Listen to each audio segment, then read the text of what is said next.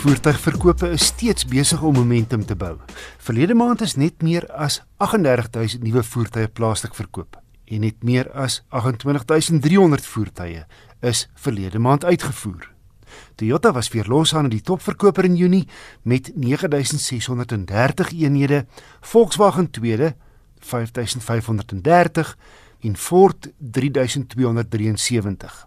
Die res van die top 10, Hyundai 4de, Nissan, Suzuki, Haval, Isuzu, Kia en 10de Renault. Toyota se Hilux was die gewildste modelreeks, gevolg deur die Ford Ranger, Volkswagen se Polo Vivo, die nuwe geslag Polo en vyfde die Isuzu D-Max. Volgens die mededingingskommissie se riglyne oor naverkope diens mag voertuie wat vanaf 1 Julie verkoop is by enige diensverskaffer voorsien word. 'n Eienaar sal dus nie meer gedwing word om 'n diens of motorplan of dierder oorspronklike onderdele by 'n handelaar te koop nie. Kia het onlangs 'n nuwe topmodel by sy gewilde Picanto reeks gevoeg, die X-Line teen R240 000. Nuwe buffers en LED ligte voor en agter, swart plastiek wielbo en 15 duim alloy wiele. En hy staan 'n knerts hoër as die ander Picantos. Na my mening, die aantreklikste Picanto te koop. 'n Outomaties is ook beskikbaar. Ek het die 5-spoed handrat gery. Binne kry jy 'n meer premium gevoel in die Kia as in jou gemiddelde klein luikerig. Die topmodel gee vir jou leer op die stuur, sitplekke, sentrale armleuning, ratkierie en selfs gedeeltes hier in die deure. Gepraat van die ratkierie, die het 'n heerlike skuifaksie. Die sentrale raakskerm bied Apple CarPlay en Android Auto as ook 'n driebeeld en daarmee saam drie sensors. Ek is 'n lang ou pas lekker voorin, maar spasie agterlangs is baie beperk en die bagasiebak vat net twee kleinerige tasse. So ideaal vir twee mense en hul bagasie die agterste rugleuning kan platslaan, maar dis omtrent dit. Ander geriefskenmerke sluit in vir hitte buitespieëls wat ook kan invou en dagryligte wat outomaties oorskakel na die nagligte wanneer nodig. Ook misligte en Bluetooth.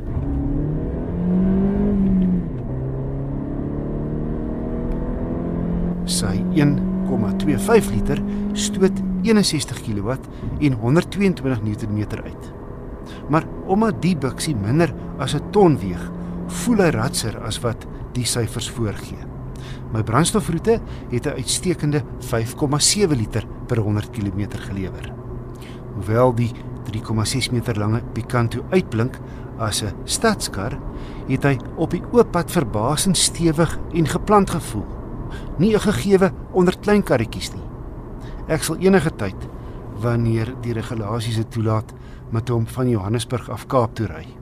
Al wat ek sal mis is tog beheer.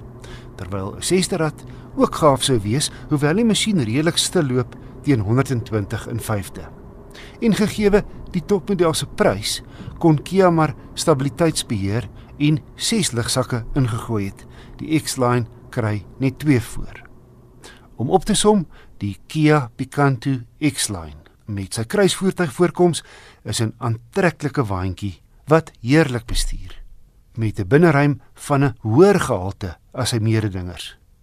Teen 240 000 rand is daar wel groter kompetisie wat meer pakplek en beenruimte vir die agterste passasiers bied. Maar indien jy net een of twee mense in die huishouding is, maak hierdie pikante lykerig baie sin. Daar gebeur interessante goed op die bakkiefront oor die volgende jaar of 2. Een is dat die splinternuwe Volkswagen Amarok na verwagting volgende jaar op pad is. En hy gaan op die nuwe Ford Ranger gebaseer wees en boonop deur Ford hier in Suid-Afrika gebou word. Tans word hy van Argentinië ingevoer. Deesdae net dubbelkajuite. Mens kan byna nie glo die Amarok is al 'n dekade op die mark nie, steeds in aantreklike, byna tydlose vorm. Aangehelp deur Volkswagen se verbeterings. regdeur die bakkie se lewensduur. Die 3 liter V6 turbo diesel is Suid-Afrika se kragtigste bakkie op die mark en die kraglewering is onlangs verder opgestoot. Ek het die Highline 4Motion gery. 'n Lexer en dierder Extreme V6 model is ook beskikbaar.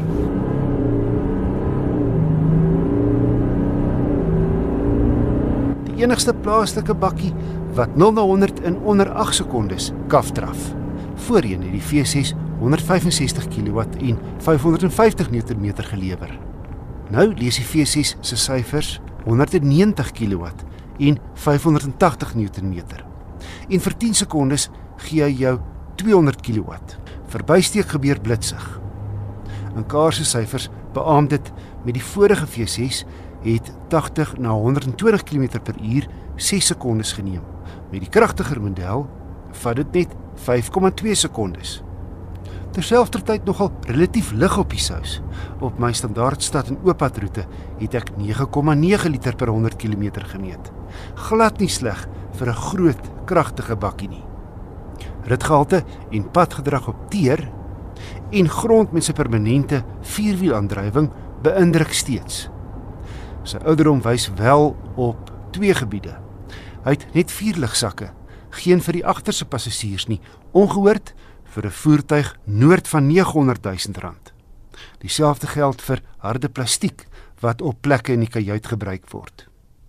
My gevolgtrekking Volkswagen se Amarok V6 TDI Highline 4Motion bied krag wat geen ander nuwe bakkie bied nie, wat baie handig te pas kom as daar swaar gesleep moet word. Maar teen 'n allemintige 921900 rand. Dis 144600 meer as die Amarok 2 liter Highline. Ook met vierwielaandrywing en die seepglade 8-spoed outomaties.